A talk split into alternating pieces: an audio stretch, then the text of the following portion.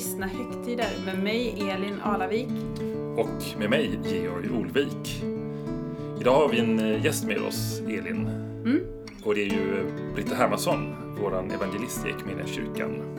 Och idag är det tacksägelsedagen och vi börjar som vanligt med evangelietexten.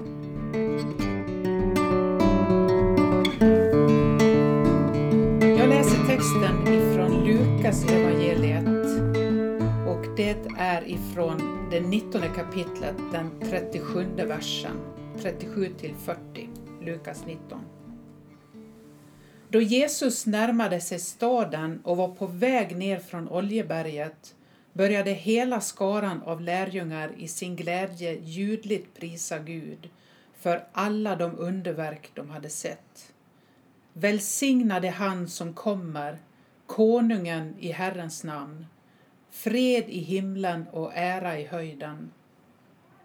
Några fariseer i folkmassan sa då till honom Mästare, säg åt dina lärjungar att sluta. Han svarade Jag säger er att om de tiger kommer stenarna att ropa. Det är ju tacksägelsesöndagen och eh, det är ju fyra bönsöndagar på kyrkåret och det här är den tredje som kommer på hösten. Och eh, det vanliga som kanske många av oss har varit med om är att man bär fram och tackar för skörden. Nu kommer liksom skörden och så har vi ibland varit med om i våra kyrkor att man kommer med sitt skördeoffer som kan vara både ekonomiskt men också att det ligger på altaret eller längst fram i kyrkan olika ja, jordiga morötter och rödbetor och äpplen och någon lingonsyltsburk. Och så har man aktion efteråt och liksom ropa in och så får man in pengar och så tackar man för årets skörd. Och det är någonting, tycker jag, väldigt vackert i rytmen, att man följer ett kyrkoår som vi gör då och att man tänker liksom som årstiderna. Det är ju så vi gör att vi, vi i vår del av världen kan följa vår, sommar, höst och vinter. Och den rytmen är ju i kyrkoåret också. Så det är en väldigt fin eh, sed att ha. Och samtidigt så tänker ju jag att den här texten gör att man också behöver och påminns om att vi behöver också upptäcka att det finns fler lager, fler djup i den. Det är ju inte bara ett knippe morötter, så fint det nu är, utan vi lever ju i en annan tid och det är inte alla som skördar på det sättet utan vi behöver upptäcka vad är det vi har idag som vi bär fram i tacksamhet. Och eh, då kan jag tänka som är häpnadsväckande nog en innerstadsbo att jag behöver ju söka djupare en sån text. Vad säger detta idag, det som vi precis läste? Sammanhanget är ju att Jesus rider in i Jerusalem. Folket lägger ut sina mantlar på vägen och lovsången bryter fram överallt kan man säga. När de kommer ner från Oljeberget så börjar lärjungarna sjunga och så är det några som genast eh, reagerar och det är ju fariseerna. Säg åt dem att sluta. Och detta är ju intressant för att det jag tänker är att tacksamhet och lovsång handlar ju inte alltid om att jag är glad. Jag sjunger lovsång när jag är glad. Utan sången har ju att göra med en djupare glädje än så. Någonting som ska bära genom livet hur det än ser ut. Att jag hittar liksom en källa till tacksamhet i det liv jag har. Jag tackar för skörden, för det jorden ger, men jag ser också någonting mer i den här texten. Och det jag skulle vilja lyfta den här söndagen med temat lovsång, det är ju att det är viktigt att lära sig att känna igen den djupare glädjen och känna igen lovsången var den än kommer från för håll. Han säger ju till, till fariseerna här, om de slutar sjunga så börjar stenarna. Ungefär så. Om, alltså om ni tiger ska stenarna ropa. Och jag tänker lite symboliskt att det egentligen handlar om att känna igen lovsången i alla tider och nu är vi i vår tid. Och hur ser vår, vårt liv ut idag? Går det att sjunga lovsång utifrån de sammanhang vi finns i? Och och eh, för mig är ju det att hitta ett språk för en tro som bär hur än livet ser ut. Och då kan ju lovsången komma från, man kan nästan säga samma eh, ställe som morötterna, från den mörka jorden. Alltså man har sått någonting i sitt liv, någonting är planterat där nere i jorden, i mitt liv. Och så småningom så bär det frukt. Det liksom kommer upp i ljuset och någonting händer men den stora processen sker ju under jorden. Och egentligen är ju det lika fascinerande varje gång när någonting kommer så. Och så tänker jag också att lovsången nu, tror ju jag, föds i mycket oro, mycket mörker, på dolda platser och att det är på något sätt i den förtvivlan och i det ropet som lovsången bär så att man känner igen den. Eh, om jag ska hålla kvar bara lite bilden av eh, att man bär fram det man har odlat så har jag tänkt lite på det inför den här söndagen att jag vid ett tillfälle i mitt liv odlade potatis. Alltså, jag satt ner dem så här pallkragar då på våren eller försommaren.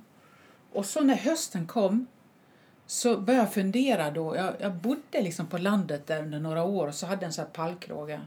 Och det var en, jorden var ju så där, det kom ganska mycket ogräs.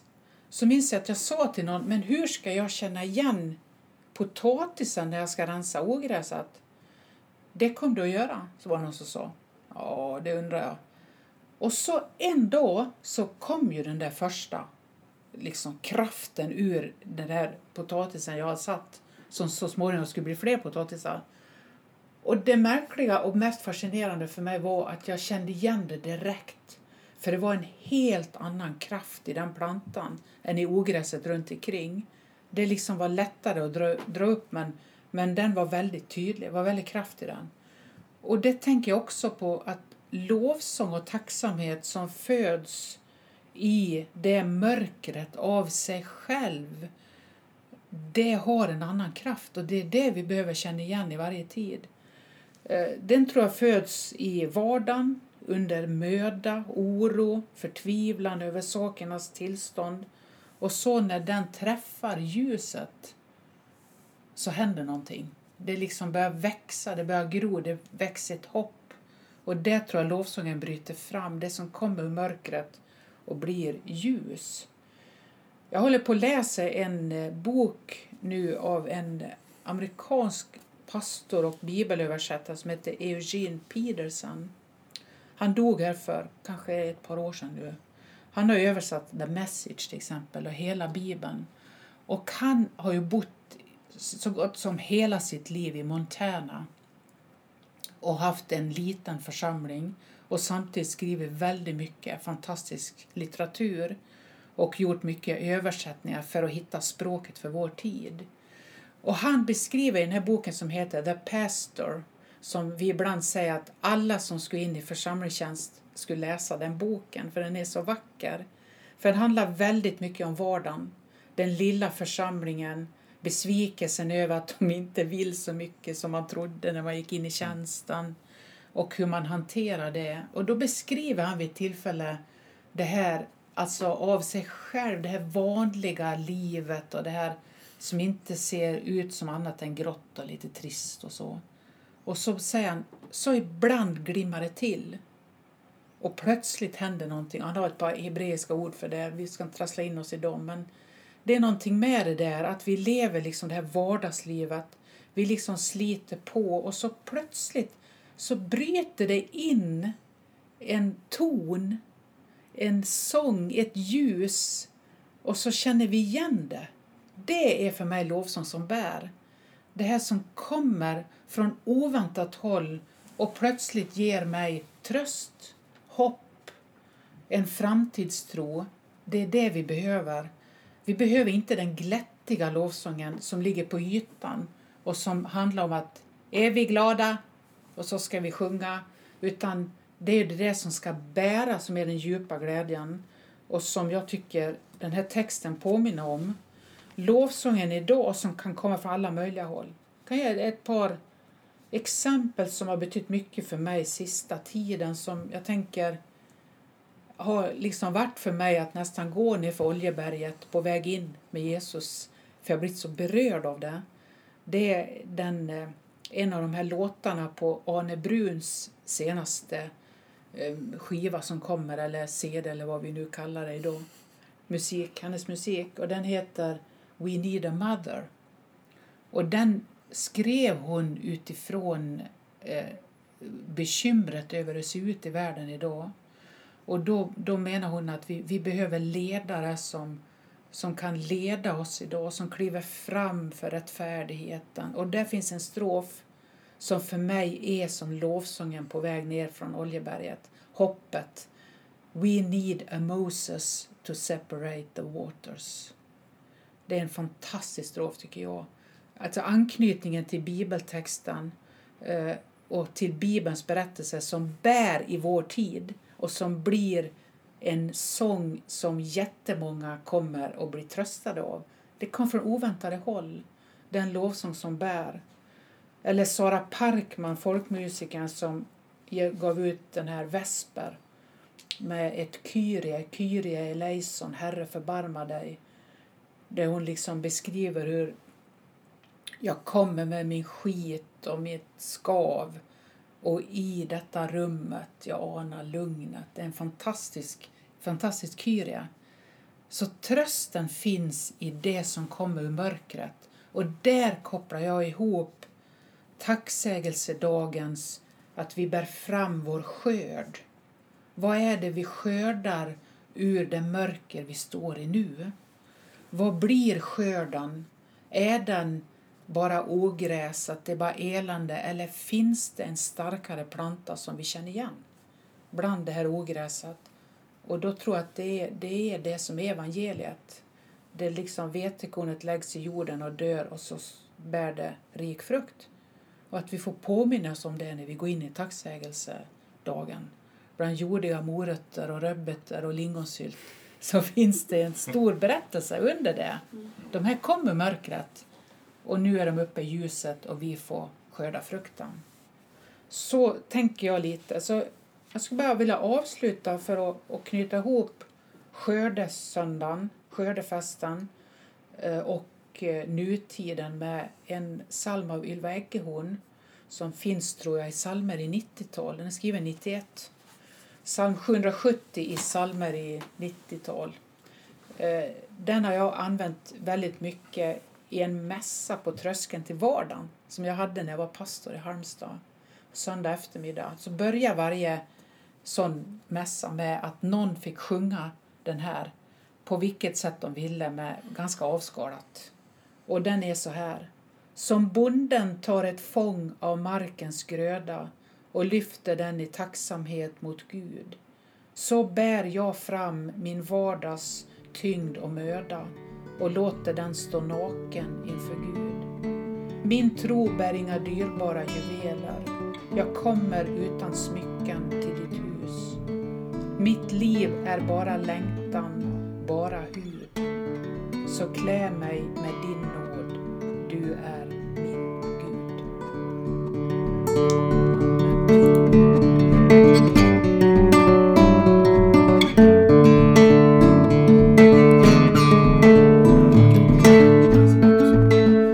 Ibland kanske jag tänker att många inte har några morötter och liksom så tydligt visa på och vara så tacksam över. Och hur kan man tänka där liksom, eh, om man inte känner den här eh, tacksamheten?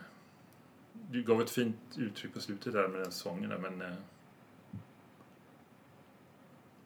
jag tänker att folk att, eh, kristenheten ibland kan ju få det att, att bli lite för glättiga, att vi skall känna tacksamhet och, och alltid vara glada och för att vi på något sätt har vårt eviga liv att se fram emot eller att man trots att det är och, och, och, ibland är det också att det missbrukas. Du ska vara tacksam. Liksom, man, det blir lite ett maktspråk. Du- Var, tacksam du för att du ändå räddad så håller du på i ditt elände liksom. Ja, och det här jag- kan jag känna är svårt. Ja, det, det, det är kanske det jag, jag lite tänker med, med att det kommer oftast ur den mörka jorden. Mm. Att den tacksamhet som bär, den kan vi, vi ibland urskilja i allt det där glättiga. Just på grund av att det som blir lite glättigt i min lite bild är ju lite av ogräset. Att det, det blir ingen rot i det, det blir ingenting av det utan det känns bara konstigt. Men, men att våga tro att jag mitt i min vardag, som han också, Eugen Petersen pratar om, mitt i det här grå, trista, människor gnäller och det är liksom svårt att få till det och man blir besviken och så. Att någonstans under det gror någonting som är mitt liv och att det är det som man, man kommer att känna igen den lovsången som tröstar. Mm.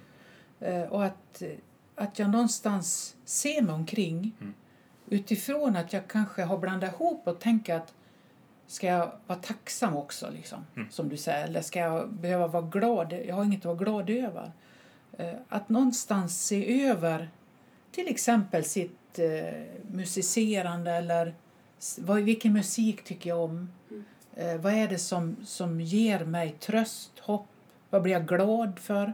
Eh, vad bär mig? Och att, att, att någonstans inte dela upp det. Här är kristet, det här är icke kristet. Utan eh, det kommer från alla möjliga håll. Att hitta det som bär mitt liv och våga lita på att Gud alltid är större och kommer liksom från olika håll in i mitt liv.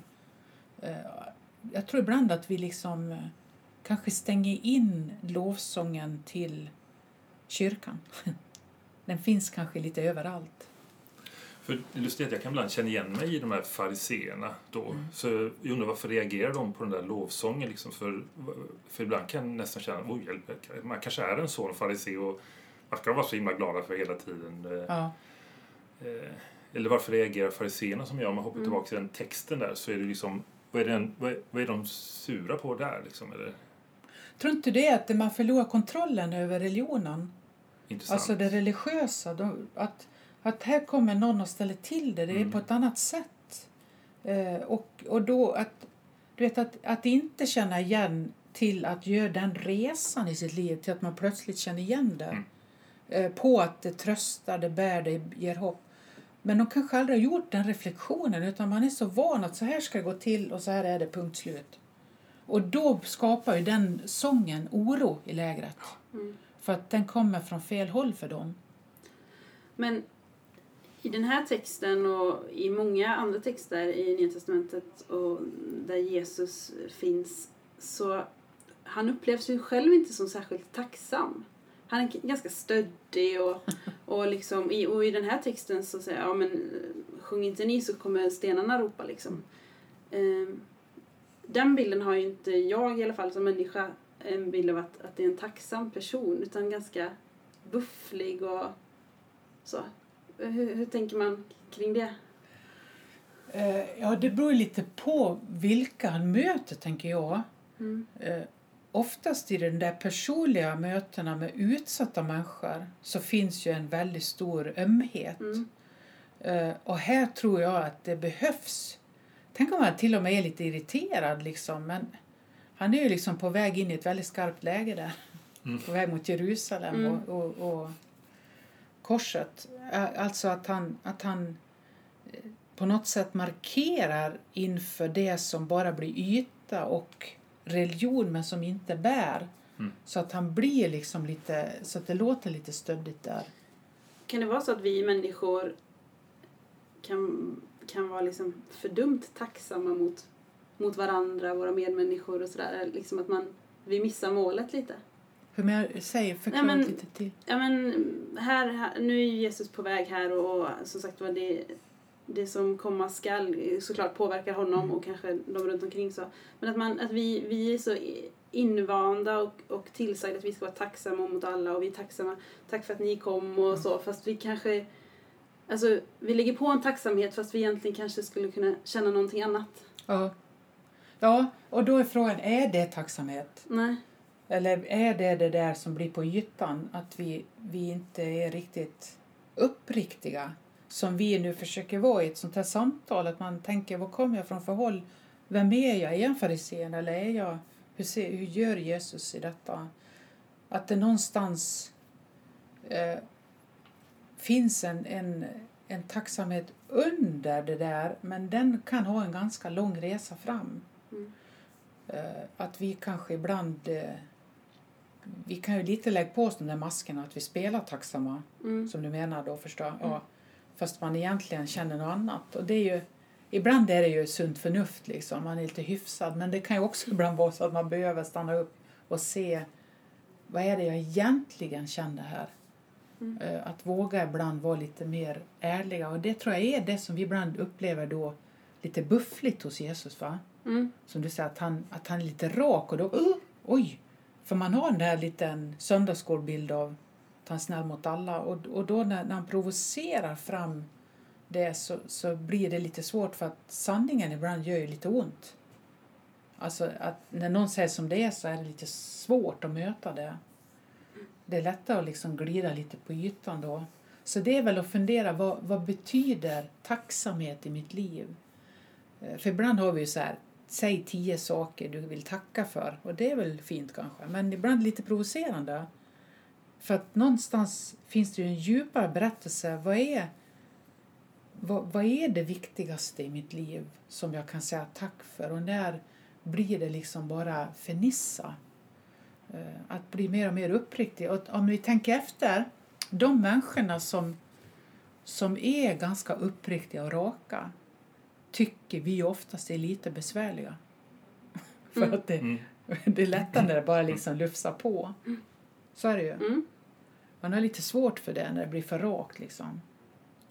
Eh, Men det, det är ju det att det är, det är ständigt en utmaning att, att både hitta vad är den djupa tacksamheten, vad kommer den ur?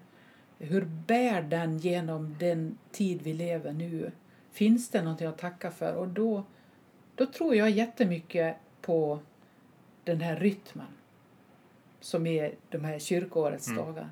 Att fortsätta mala på liksom och lita på att den gör någonting som det står i, i någon annan liknelse, av sig själv bär jorden gröda. Så sker någonting där under ytan i det här vanliga, att vi bara fortsätter. Men ibland behöver man liksom se att det bryter igenom det som gör att, att lovsången kommer till ytan.